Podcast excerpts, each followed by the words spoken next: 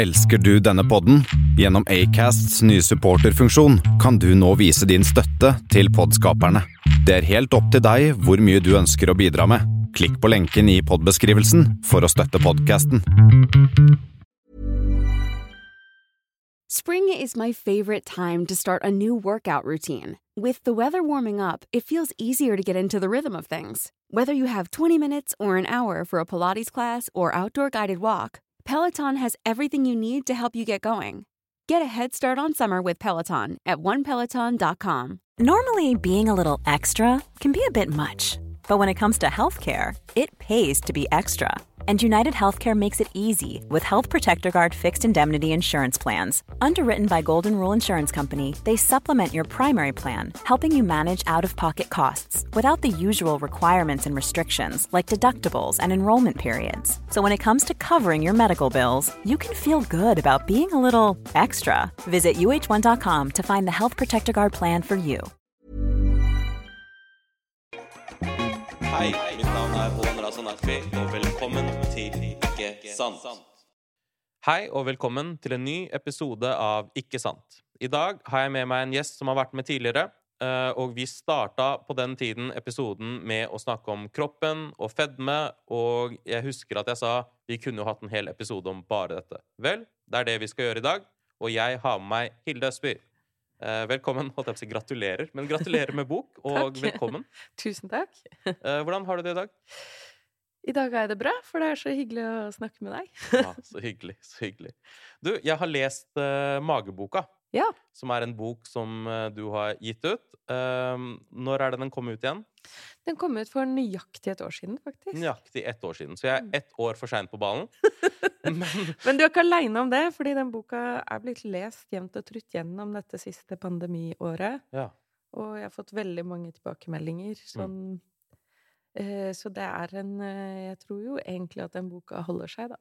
Mm. Den, den tåler å leses et år etter. 100 uh, For meg så er jo den kjemperelevant. Mm. Um, og for å ta en liten recap av mitt eget forhold til meg selv, så har jo jeg egentlig Jeg kan ikke huske å ikke ha vært overvektig. Ja. Ikke sant? Eller tenkt at jeg er overvektig. Ja. Uh, og jeg har sånne vage minner da, av å gå forbi, spesielt på sommeren, et butikkvindu som har gjen, sånn gjenskinn, så Ja, jeg kan ja, ja. se meg selv Mm. og innse at «Åh, er det sånn jeg ser ut? Mm. Eller se et bilde i etterkant tenke sånn What the fuck er det her? Mm. Er det sånn jeg ser ut? Mm. Et videoopptak eller hva enn det er. Og så var det i fjor, uh, denne måneden her sånn, der hvor jeg begynte med ketodiett Mm. og gjorde det i tre måneder, gikk ned masse og uh, hadde deg på besøk sånn kort tid senere. Ja. Um, jeg har jo lest boka, uh, og uh, syns at det er en uh, en bok hvor jeg noen ganger har lyst til å si sånn Nei, det, nei, det er ikke sant! Fordi at, ikke sant? Fordi at alle har liksom sin subjektive mening om dette, og du får høre så mange tips fra folk. Mm. Så man blir møtt med forskning, så kan man noen ganger bli litt fortvila. Ja. Det skjønner jeg. Um, boka handler jo om din reise, da, først og fremst. Ja. Og ditt forhold til magen. Ja. Fortell litt om magen, holdt jeg på å si. Ja, det skal jeg gjøre. Um, det var jo mer at jeg jeg reflekterte over livet mitt da jeg runda 45, og så Du, du vet, jeg hadde litt sånn sein 40-årskrise, eller kanskje litt tidlig 50-årskrise. Så jeg tenkte, hva er det som skal stå på gravsteinen min? og selvfølgelig kommer det til å stå at jeg eh, Eller folk kommer til å si at jeg var veldig opptatt av litteratur, og at bøker har definert livet mitt. Det har det absolutt. Jeg har alltid villet skrive. Og bøker har alltid vært mine venner. Men Eh, Men det var én ting til jeg visste at hadde vært veldig permanent gjennom livet mitt. Siden jeg, fem, jeg var 15 år, så har jeg på en eller annen måte hata kroppen min, og særlig magen, da. Mm. Eh, og det har ikke endret seg, eller det hatet har liksom ikke forandret seg, selv om kroppen min har forandret seg. Okay. Så det var kanskje Det liksom magehatet har kanskje vært sterkest da jeg var aller mest anorektisk Mm. Og var så syk at jeg burde vært innlagt på sykehus. Mm. Ikke sant? Når du har sånn eh, hadde jeg? 14 i eh, BMI 14. Da er du farlig, farlig tynn. Um, Men eh, Så jeg måtte finne ut det kom, hvor det kom fra, da, dette hatet mot magen. Og det kommer jo fra mange ting. Det kommer fra kulturen, selvfølgelig. At vi eh, fortsatt tenker på at magen symboliserer Hvis du har litt mage, så symboliserer det at du er lat og dum. Og latskap er jo en av de viktigste dødssyndene da, fra middelalderen av. Mm. Og vi har ikke sluttet å tenke at late folk er dårlige folk nå i vår kultur. Selv om vi er Mm. ganske sekulære, da. Mm. Ikke sant? Så latskap er veldig dårlig, og det blir symbolisert med den magen. Og grådig, da. Grådig er også veldig dårlig. Så um, det er én del av det. Og så har det jo også med kontroll å gjøre. Og magen er den delen av kroppen vi burde kontrollere mest, fordi vi trenger ikke det magefettet, da. Liksom. Mm. Men det er jo klart at um, da hopper vi jo over det faktum at altså hele familien min er jo en magefamilie. Vi har mager alle sammen og legger lett på oss på magen. Mormoren min døde som 87-åring med massevis av det livsfarlige magefettet. Mm. Eh, for jeg fant jo ut at det å ha magefett er jo eh, i noe alle tabloidaviser og alle dameblader er veldig opptatt av å skrive om, da. Mm. Hvor farlig det er, og hvordan vi kan bli kvitt det. Mm. Så jeg fant at det var en topp i omtale av eh, magefett. Så det var sånn hund, over 100 artikler på Retriever da. Mm. Var det, når var det det var? Det har du sikkert notert. Det 2014, tror jeg. 2014, ja. Det Mm. stemmer det. Mm. Da var det 2014. Det stemmer. eh, eh, Det var det jeg trodde også. Eh, Da var det godt over 100 artikler, forsider, på magefett i Mm. Norge. Så da burde jo mormoren min ha dødd mye før, da. Eller skulle hun ha levd til hun ble 120? Ikke vet jeg. Ja, det, det vet ikke jeg heller. Um, Fordi, ikke sant, ja. det jeg skulle frem til, var at eh, vi har jo veldig individuelle kropper. Mm. Og kroppene våre har eh, forskjellige styrker og svakheter, akkurat som hjernene våre har forskjellige styrker og svakheter. Jeg er veldig dårlig på å huske navn og ansikter, men jeg er veldig god på å huske statistikk. Ja. Så ikke sant? vi har forskjellige typer hukommelse. Noen folk jeg kjenner, husker jo hvert eneste ansikt de noensinne har vært borti, fra barneskolen og oppover. Mm. Eh, og grunnen til at vi er sånn, at vi er skrudd sammen sånn, er at vi skal Som flokk så klarer vi utrolig mange ting. Fordi vi har store individuelle forskjeller. Mm. Så menneskeheten, i motsetning til pandaene, for eksempel, Mm. eller maurslukerne Mm. Vi har veldig mange strategier for overlevelse. Så maurslukeren har én strategi, og det er å spise termitter. Mm. Gjennom den der lange eh, snabelen. Mm. og hvis den eh, eh, ikke lenger har tilgang på det, sitt naturlige miljø, så dør den ut, akkurat som pandaen dør ut hvis eh, miljøet deres ble litt for, forandret. Mens menneskeheten bor over hele kloden. Vi Mm. spiser alt mulig. Mm. Vi har et ekstremt variert kosthold. Mm. Og vi har veldig mange forskjellige kropper og veldig mange forskjellige hjerner. Mm. Og bare det å skjønne det gjør at eh, hmm, Hvorfor skal min kropp se ut som de andre kroppene? Antageligvis legger min slekt på seg på magen, sånn at vi overlever hvis det Mm. blir en sultkatastrofe. Da overlever vi litt lenger enn eh, sånne toppmodeller. Synd for dem, bra for meg. Absolutt. Jeg syns at jeg kan identifisere meg med det å hate en side av kroppen. Og, så, så tenkte jeg La meg høre med folk jeg kjenner. ja. Så spurte jeg x antall jenter. Fikk ja hver eneste gang. På hva da? På at de hata noe med kroppen sin. Ja. Det var en del av kroppen de hata. Det var det jeg oppdaget også. Og um, spurte jeg gutter, og det var to ting jeg innså når jeg spurte venner som var gutter, menn. Og det var det ene at um, Ja, men dette er ikke noe vi snakker om til vanlig. Ikke sant? Ja. Som, som gjør at Det var en venn av meg som gikk rett på statistikken. Han sa at men hvis ikke vi snakker om det, hvordan skal vi være en del av stat- statistikken på det? Ikke sant? Ja. Vi, vi, vi, vi snakker om Jeg vet du nevner uh, en økning i antidepressiva på, på jenter, Mm. Uh, og det er jo kjempekjipt. Um, men så er gutter så høyt representert på dette med, med selvmord. Ja. Eh, så, så kanskje ikke det er kroppshat, men det er hat mot seg selv på en eller annen måte. Ja. Eh, og, og, så, og så nevner du jo dette med samfunnet, det, liksom du var liksom inne på akkurat.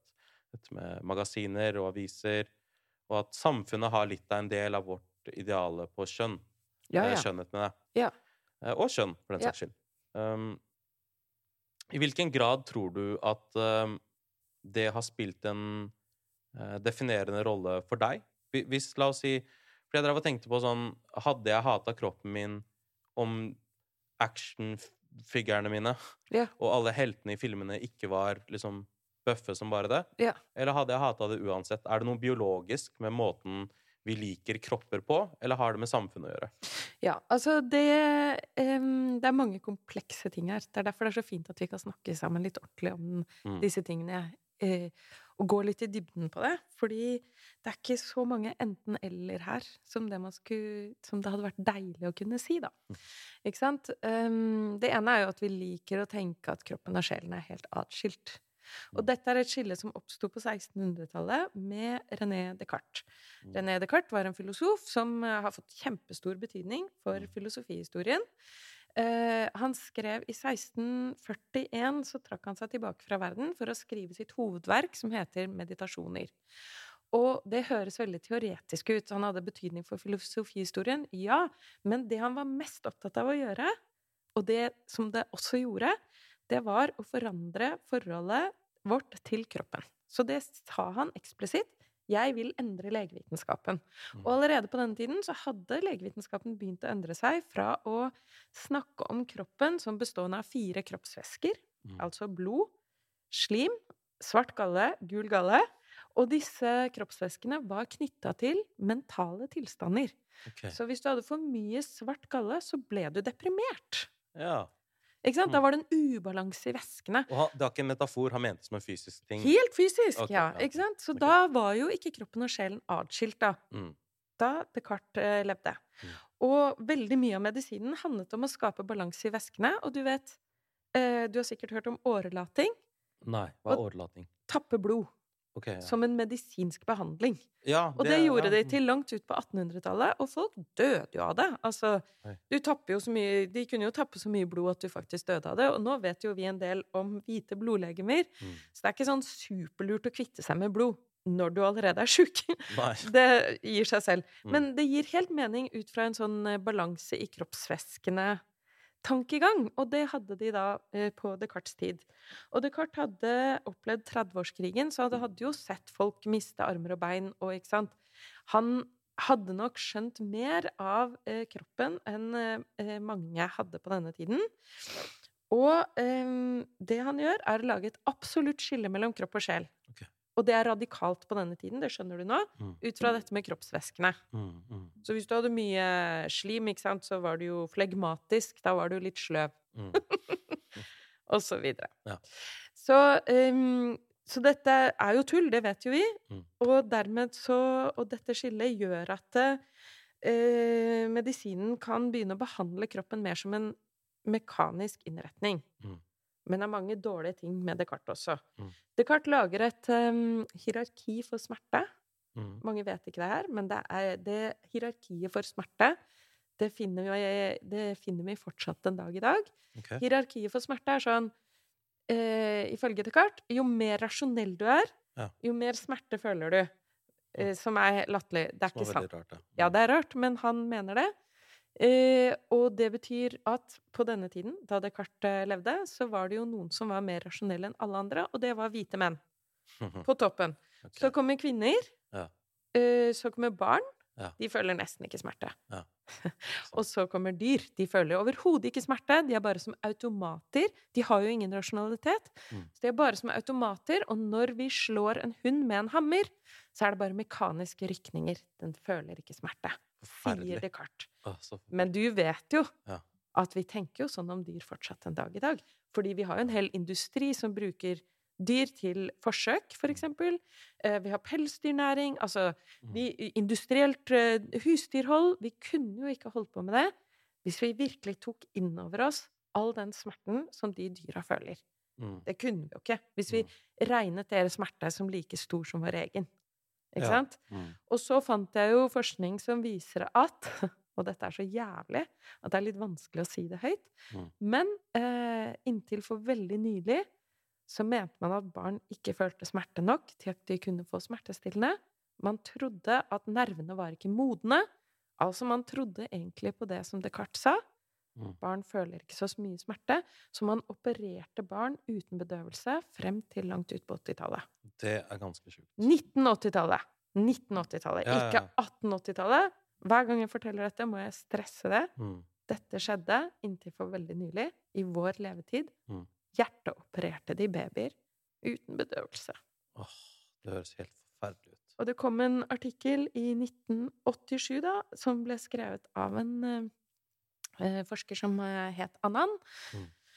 og som beviste at babyer føler smerte når de blir hjerteoperert uten bedøvelse. Når de blir operert uten bedøvelse, går de inn i sjokk, og de dør oftere, selvfølgelig. Hvordan beviste han det?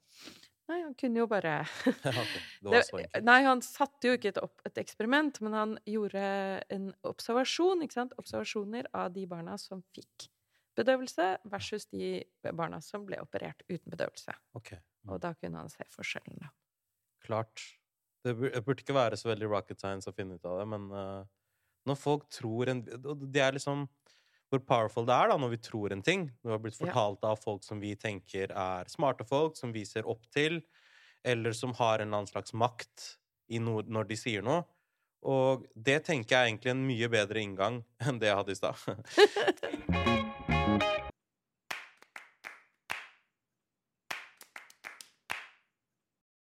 For jeg bare gikk inn i dette her med skillet mellom kropp og sjel. Og Mm. det jeg fant, da, var en kjempestor undersøkelse okay.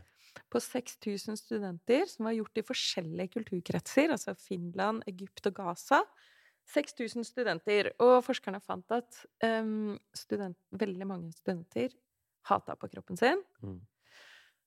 Og så uh, lette de etter hvor det hatet kom fra, og da trodde de jo at det kom fra BMI. Altså jo tjukkere du er, jo Mm. mer hater du kroppen din. Mm. Og så stemte ikke det. Det var Stemmer. ikke noe sammenheng mellom Eller var mindre sammenheng mellom BMI og kroppshat enn det de hadde trodd. Mm. Derimot så var det en sterk sammenheng mellom markører for depresjon Mm. og kroppshat. Mm. Og det sier oss noe om sammenhengen mellom kropp og sjel. Og forskerne tror at depresjon og kroppshat har en eller annen sammenheng. Mm. Ikke sant? At eh, det å hate på kroppen sin er jo både en kulturell ting, men det er også uttrykk for depresjon. Mm. Og når du behandler depresjonen, Mm. så behandler du kroppshatet. Altså, det har ingenting. Du Mm. skal ikke gjøre noe med kroppen. Mm. Og eh, jeg kan også liksom styrke det argumentet ved å snakke om de folka som går til eh, plastisk kirurgi, altså såkalt kroppsdysmorfofobi. Altså Mm. de som eh, hater kroppen så mye at de går og opererer seg, de går gjerne inn i en spiral Mm. av eh, eh, operasjoner. Du blir aldri fornøyd. Monsteret lar seg ikke mette. Nei, og så blir det mer og mer. Michael Ja. Jackson, så har du ikke nese til slutt. Yes! Og så, eh, så derfor så må vi kanskje begynne der. Eller jeg mener helt klart Ja. at vi må begynne i vår holdning til kroppen. Mm. Og jeg tror heller ikke eh, Jeg tror heller ikke det fins noen gode grunner til at vi skal gå og forakte vår egen kropp. At andre skal fortelle oss at kroppen vår er feil eller stygg. Mm. Det har ingen funksjon. Altså, det er ikke en motiverende faktor Nei. hvis du er skikkelig tjukk. Og jeg har vært skikkelig tjukk sjøl. Mm. Jeg vet at den selvforakten og den forakten andre viste meg all, Alt det Alle de vonde, svarte følelsene der, det, det, brak, det gjorde, ga ikke meg god helse. Nei. Faktisk har jeg forskning som viser at det gir meg dårligere helse. Fysisk helse. Ja. Bli, det snakket vi om sist. Mm.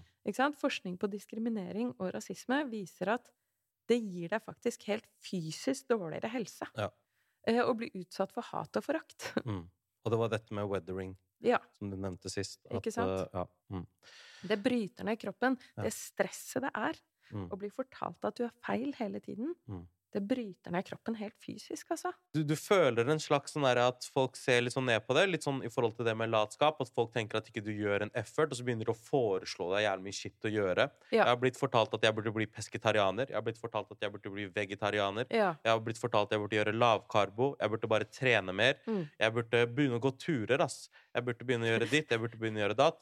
Uh, og ingenting av det ehm, Og jeg er sikker på at de tingene funker, funker. Hvis du trener nok, så kommer det jo til å funke. Uh, men det, det var snakk om balansen for min del. Ja. Uh, og å finne en ting som jeg ser progresjon i, føle en mestring. Mm.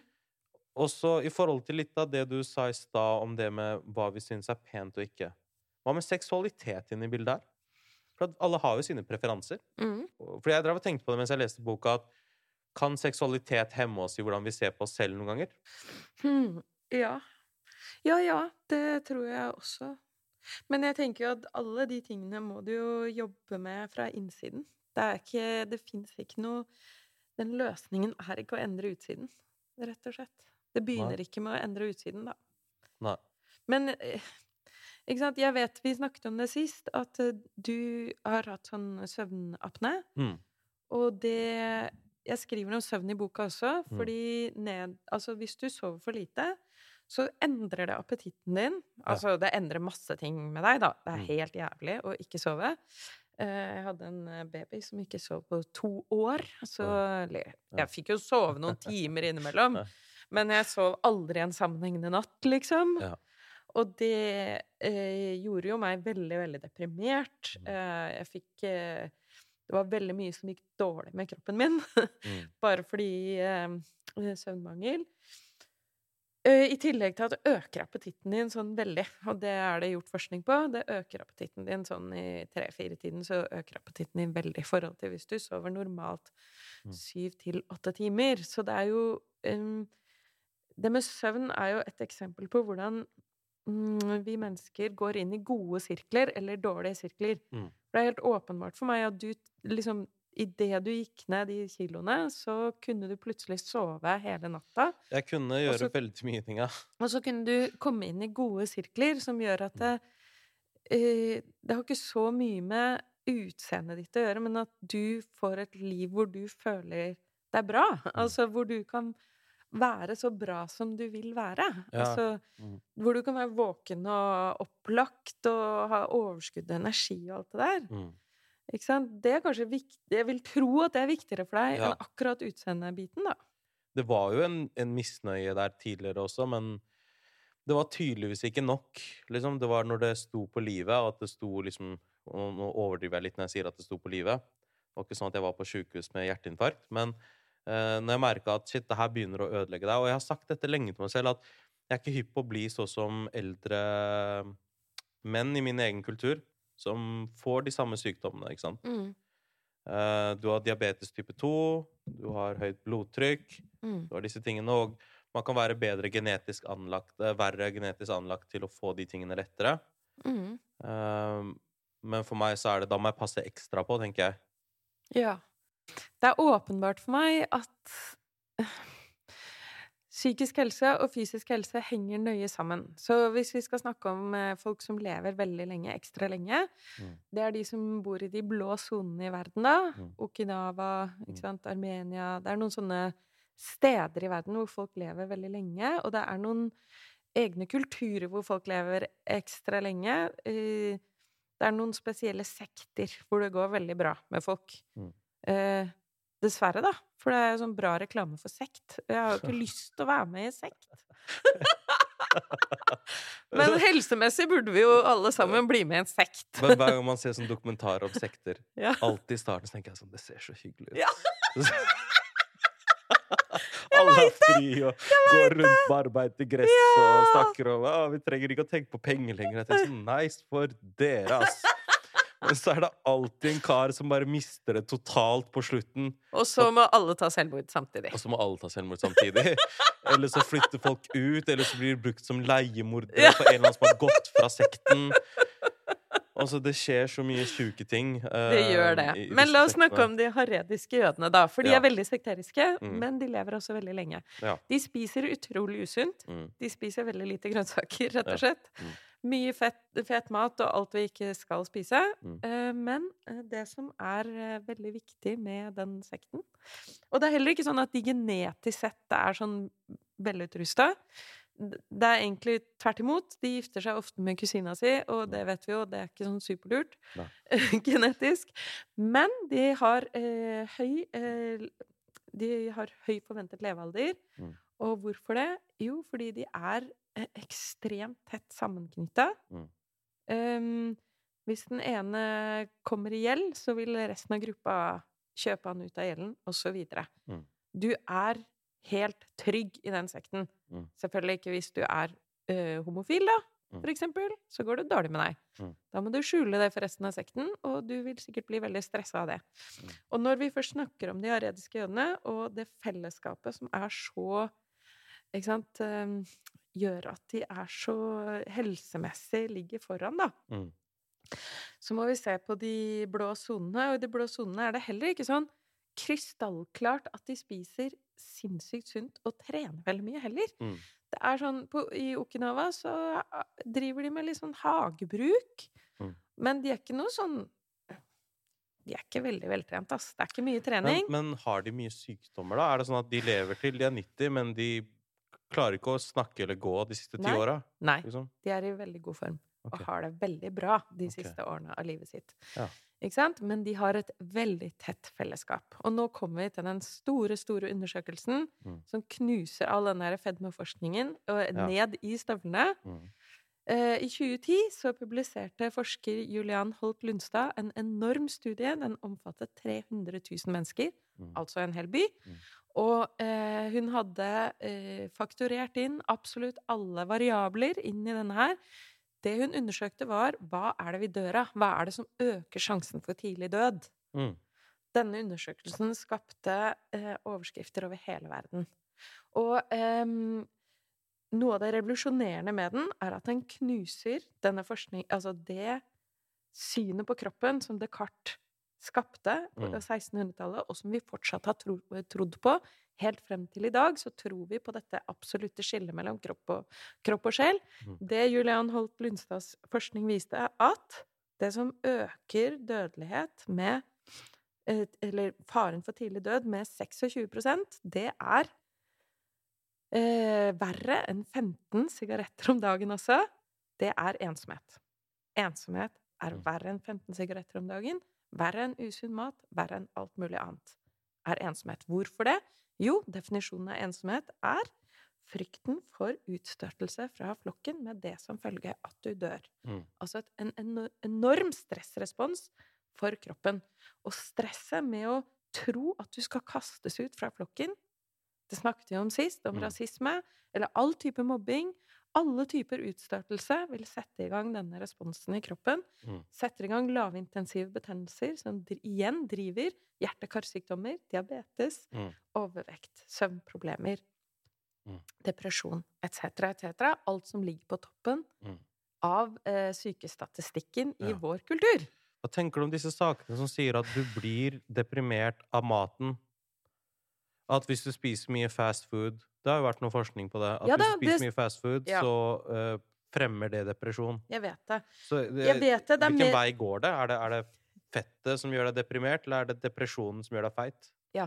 Godt spørsmål, og veldig bra at du sier det, for jeg tror ikke det er sånn enten-eller på den måten, eh, Ann. Jeg tror det er Jeg tror det er liksom eh, Det er dårlige og gode spiraler. Mm. Men når vi snakker om den maten som gjør deg deprimert, Mm.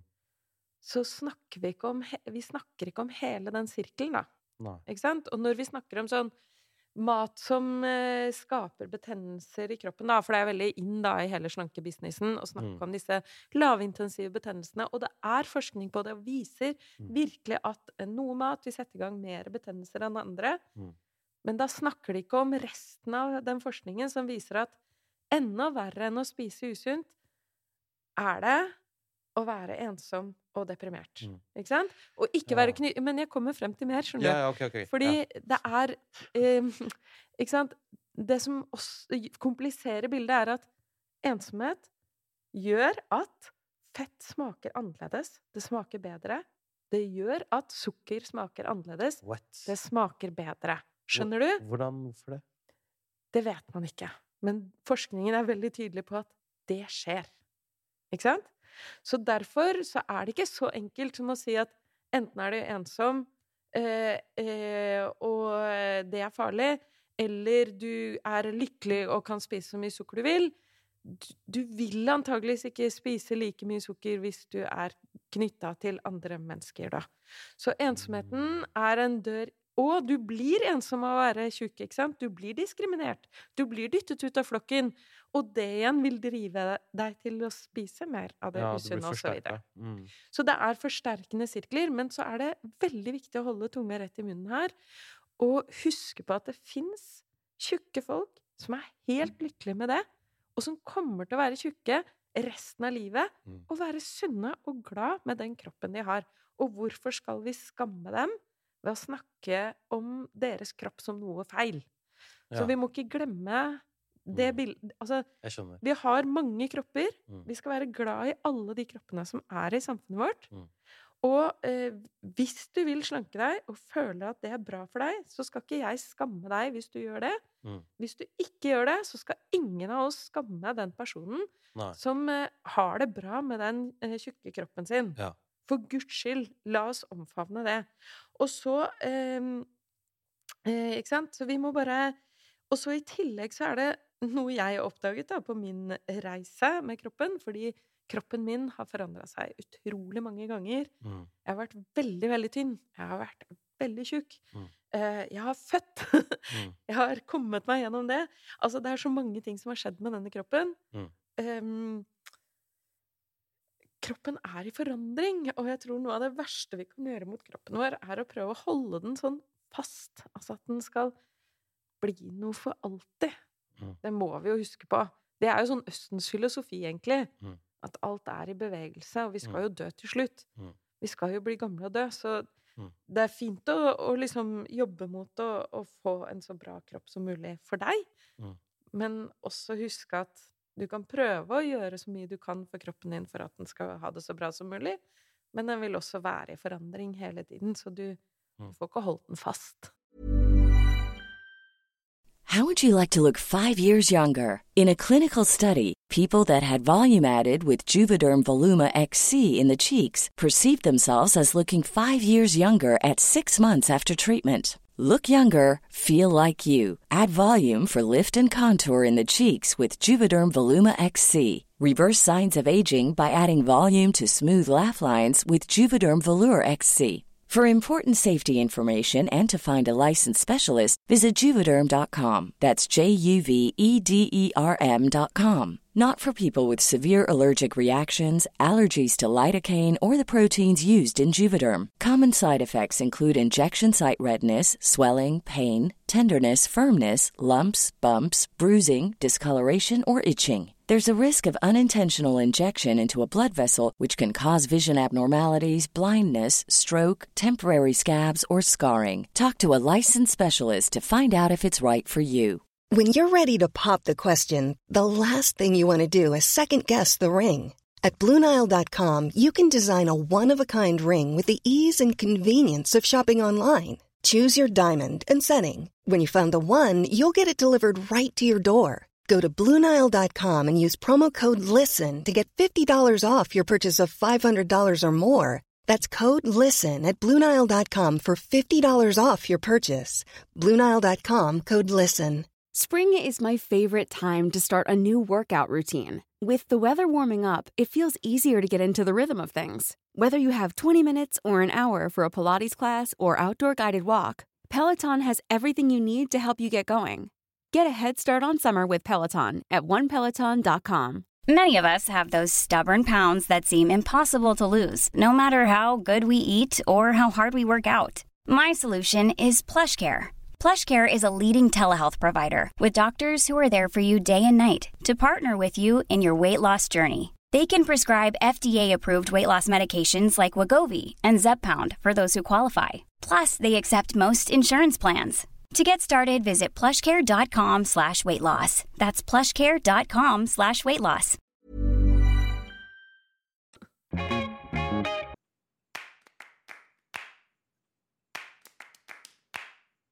Så poenget med dette med å si at hvis noen er overvektige, la de være overvektige, Ja.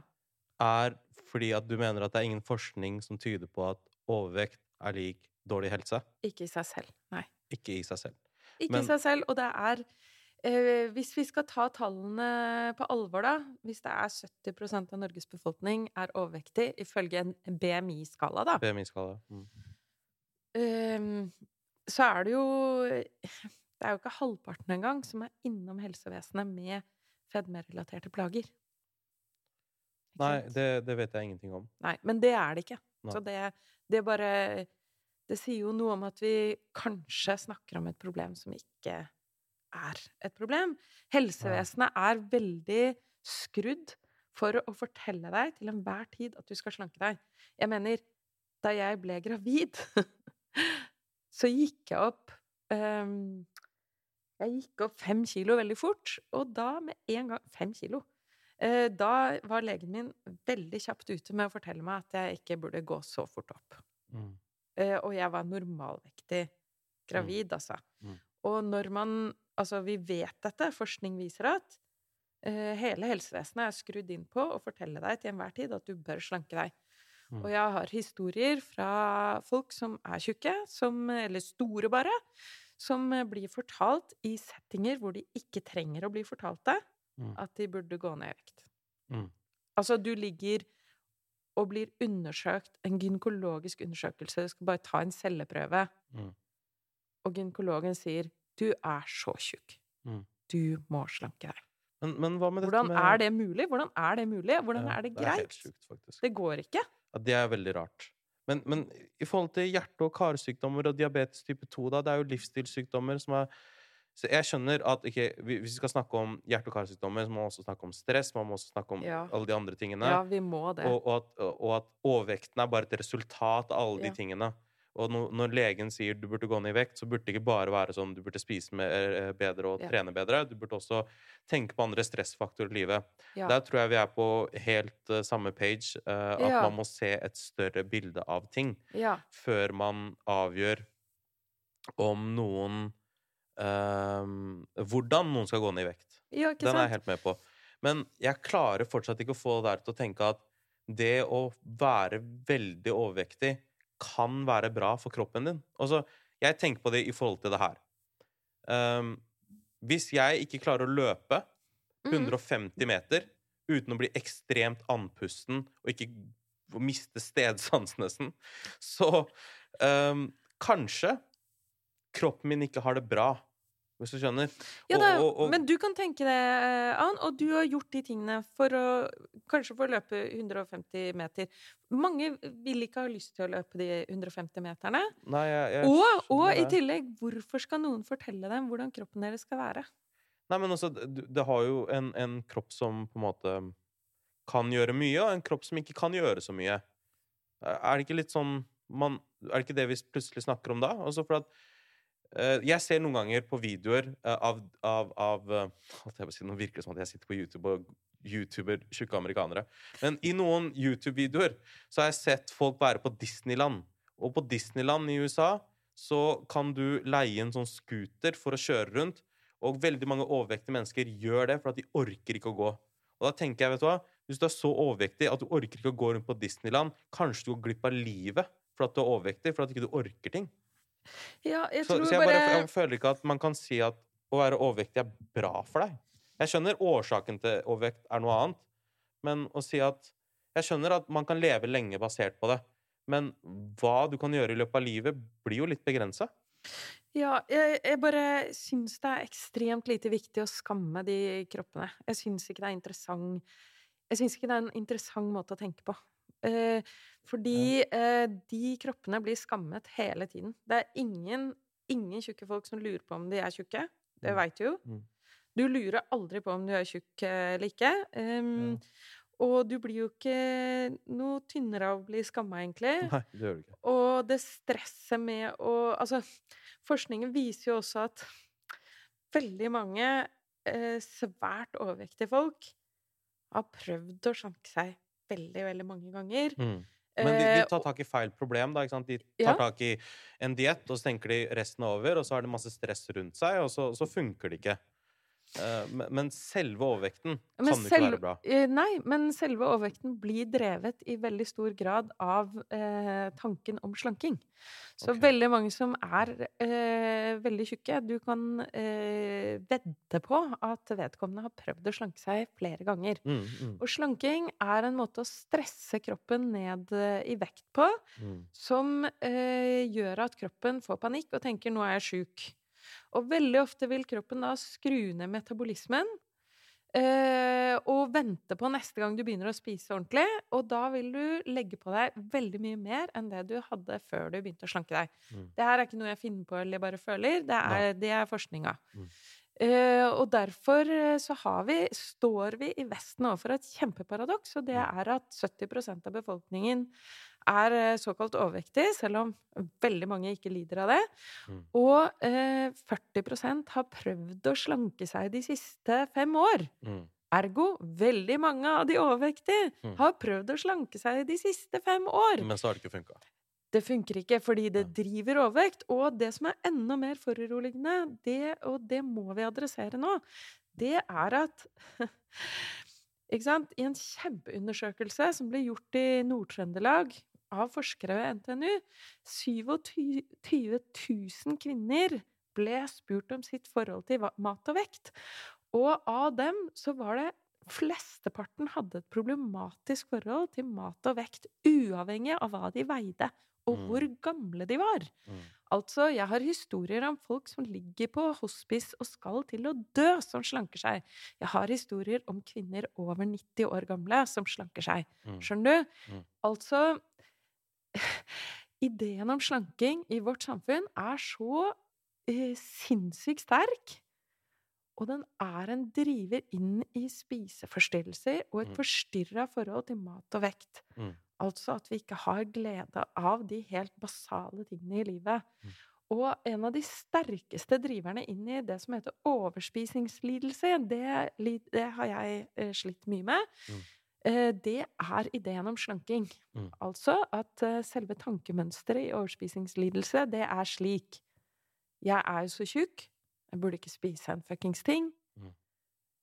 Du klarer å spise ingenting Mm. så lenge, men bare så lenge. Og så sprekker du, og så spiser du alt du har i huset. Mm. Overspisingslidelse er karakterisert blant annet med at du spiser veldig, veldig fort. Mm. Veldig, veldig mye. Mm. Ikke sant? Så kroppen får panikk. Du spiser alt du kommer over, og så, går du, og så hater du deg selv. Forakter deg selv. Du har ikke viljestyrke. Du begynner på det samme dagen etter, og så videre og så videre. Og på den måten kan du legge på deg veldig, veldig mye. Mm. Det har jeg prøvd. Ja, jeg, jeg tror at dette er en veldig viktig ting å si. Ja. Eh, Mm. De, de tingene som du sier i magboka, som For at det er det jeg syns er det aller beste med boka, er at det gir kontekst og gi, forteller folk at OK, så det at du er overvektig, det, det har med veldig mange andre faktorer enn den stemmen i hodet ditt som sier at 'jeg er ikke disiplinert nok', 'jeg er for Mm. lat', 'jeg er en dritt', 'jeg Mm. klarer ikke det her', 'alle andre klarer det', og så innser du ikke at de fleste klarer det ikke. De Um, fleste klarer det ikke. ikke sant? Og Det er um, bare noen få prosent som klarer en slankekur å bli der. Ja, Etter fem år. Etter fem år. Fordi vi må tenke på dette i et livsperspektiv. Ja, et livsløpsperspektiv. Klart man må. Klart Hva, man må. hva er det som eh, kan funke for meg resten av livet? Ja. Um, og, i, altså, og vi må også ta inn i betraktning at kroppen er i stadig forandring. Mm. Og- Og det viktigste jeg tror jeg ville med den mageboka, var å si noe om egenkjærlighet. Mm. Og at um, vi kommer i hvert fall ingen steder hvis vi driver og hater på oss selv. Det eneste jeg vet, er at det er veldig mange mennesker som tjener masse penger på Ja. at jeg hater meg selv. Alle som driver Mm. og lager klær, som Mm. skal skjule eller fremheve eller gjøre meg sexy på en eller annen måte. Og alle de som eh, selger meg en kur eller en bestemt måte å spise på.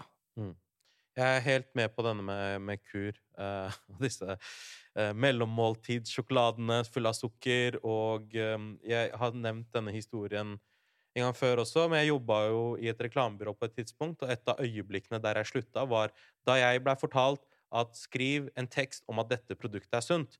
Og så brukte jeg ordet sunt, og så sa de men du kan ikke bruke ordet sunt. Så jeg hvorfor ikke? Nei, for det er jo egentlig ikke sunt. Bare skriv den, bare skriv den med, med, synonymer og ord som får det til å føles ut som det er sunt. Du ser jo profilen er jo grønn og fin og blå og lys og liksom Se på det her. Så det er et, det er et stort problem. Um, er det feil å si at slanking aleine funker ikke, men med en kombinasjon av ting så kan det være bra for deg? Vi er veldig forskjellige, og noen klarer det, de tre-fire prosentene som eh, klarer det, de klarer det jo. Så da mm. funker det jo for dem. Hva tenker du om trening, da? Eh, trening Altså, forskning viser at eh, trening er ikke så viktig for å gå ned i vekt. Nei. Trening kan eh, hindre deg å gå ned i vekt fordi muskler veier mer enn fett. Så du må jo eh, Det som er, er at forskning viser også at du forlenger livet ditt med ca. så lang tid som det du har brukt på å trene. Så da må du like den treningen.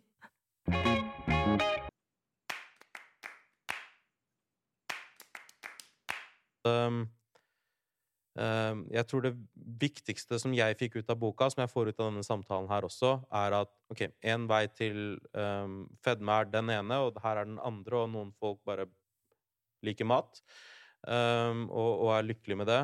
Uh, men at man må forstå de spiralene, man må forstå det større bildet før man begynner å tipse folk om hva de burde gjøre. Ja. Um, det er kanskje de selv som vet hva de burde gjøre. Heller være en god samtalepartner. Vær en god venn. Vær en god venn og spør uh, har du det bra. Liksom, og mm. hvis ikke det er det det går i, så er det sånn ok, hva annet er det? Eller er du bare lykkelig med det, og kanskje jeg skal slutte å spørre om det? Mm. Uh, jeg tror at det er en veldig viktig greie. Jeg vet at du snakker veldig mye om For, for å liksom lande den samtalen et ja. sted, så snakker du jo veldig mye om jentene. Ja. Um, og at uh, Og jeg har to spørsmål når det gjelder det her med jentene. Mm. Det ene er Er det menn som gjør det mot kvinner? Hva da? Dette med, for at Du drar flere eksempler i boka på liksom, fatshaming, og at det skjer fra menn mot kvinner. Ja, eller det har skjedd uh, meg. Det har skjedd deg, ja. Fra menn. Altså mange menn litt eldre enn meg, har spurt meg om jeg er gravid. Nå er jeg snart 50, da, så mm. da slutter de vel å spørre om det. Mm. Fordi eh, jeg er tjukk på magen, da. Ja. Um, og det Jeg tror det er veldig få tilfeller, tilfeller, i livet mitt hvor jeg ønsket mer å bare falle gjennom gulvet, for det mm. skammer meg så fælt over kroppen min. Ja, for det er helt forferdelig å bli gratulert med at du er gravid, ja. eh, når du ikke er det. Ja. Det er ganske forferdelig. Og det, igjen, det går tilbake til den bare aldri anta noe om andres kropper, mm. egentlig. Aldri bare ta for gitt at du vet noe mm. om en person bare fordi du ser på personen utenfra. Ja, ja. Du kan ikke vite om Altså, det kunne jo godt hende at jeg nettopp har vært gravid og hatt en spontanabort. Ja, faen vet Så da det? er du skikkelig i trøbbel hvis ja, du spør om det.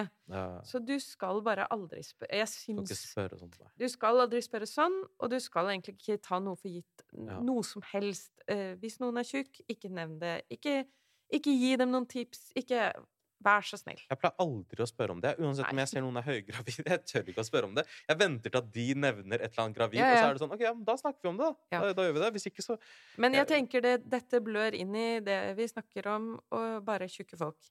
Ikke si noe til tjukke folk om at de er tjukke. Nei. Det er det samme som gravide. Ikke si til tynne folk 'Å, så tynn du er'. Det kan godt hende folk Jeg kjenner veldig tynne folk, undervektige folk, som ikke har lyst til å være undervektig. Mm. Ikke sant? Mm. Det er ikke kult at man nevner 'Å, så tynn du er!' Nei, det er som om det er en bra ting. Bare at, la folks kropper være, tenker mm. jeg. For at, eh, jeg skulle til å spørre hva med mennene? For det ja. har jo vært en økning i dette eh, blant menn med, med mer negativt selvbilde. Ja. Um, og du nevnte noe med at eh, det var bekymringsverdig. Det er veldig bekymringsverdig fordi det øker sånn veldig eh, blant uh, unge gutter og menn. Det er forskning fra Universitetet i Agder som jeg har lest og satt meg inn i. Men uh, folk i miljøet for spiseforstyrrelser, altså de som forsker på spiseforstyrrelser, bekrefter dette for meg. Mm. Uh, flere steder får jeg bekreftet at det øker sånn veldig blant gutter. Og grunn, altså, man kan godt si at det er et slags hierarki når det gjelder spiseforstyrrelser. Og det hierarkiet øverst, der hvor det er mest forskning, der det er mest oppmerksomhet, det er den minste spiseforstyrrelsen av alle, det ja. er anoreksi. Okay. Og så den nest største spiseforstyrrelsen er bulimi.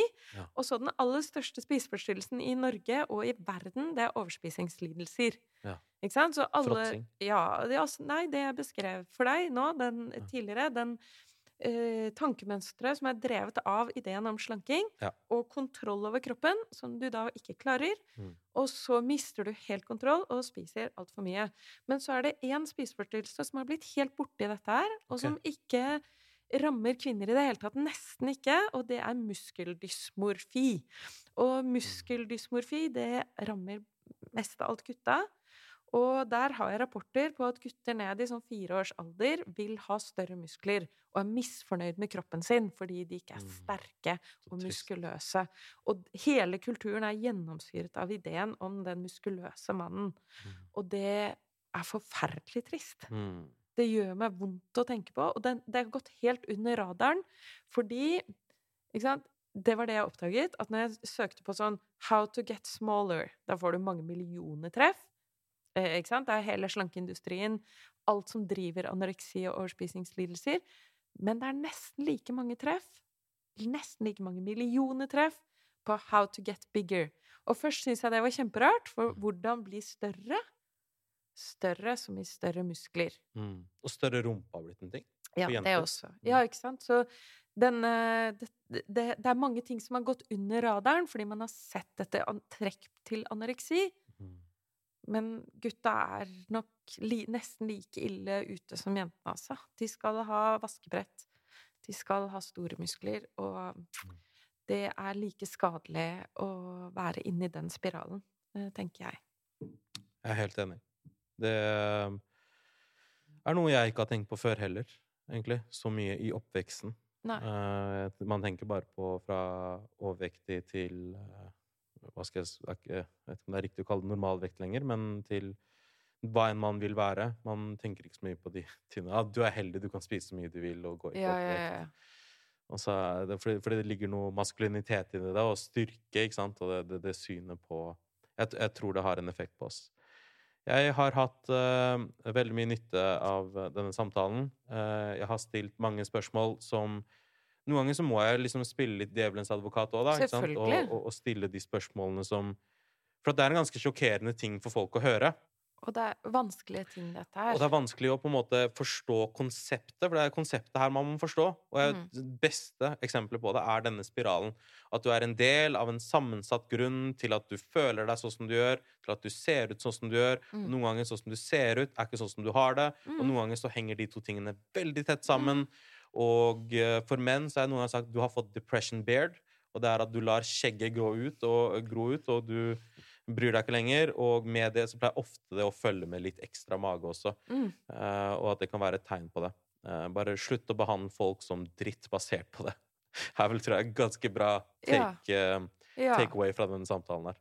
ja, jeg tenker behandle hverandre med kjærlighet. Mm. Og vi må være Mm. Vi må være vennlige mot hverandre. Og hvis du er en person som meg, eller som Hilde, som har eh, slitt med eh, overvekt, eller ikke i det hele tatt, og bare har en venn, og du lurer på disse tingene, kjøp mageboka, da vel. Eh, tusen takk for at du stilte opp, og at du har sittet her sammen med meg eh, med mine dumme spørsmål. Nei, du har kjempebra spørsmål, da. Eh, og eh, vi ses jo helt sikkert her. Ja, det var så koselig å snakke med deg. Veldig hyggelig. Takk for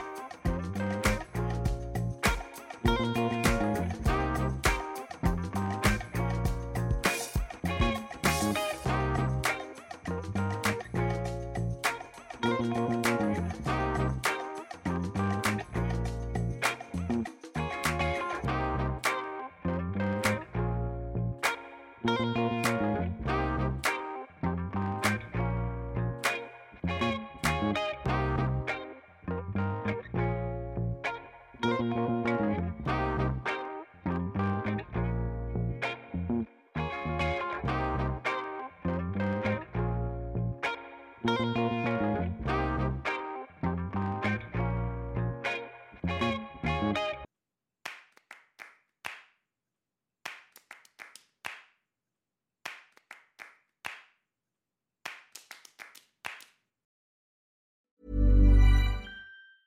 Hey, it's Danny Pellegrino from Everything Iconic.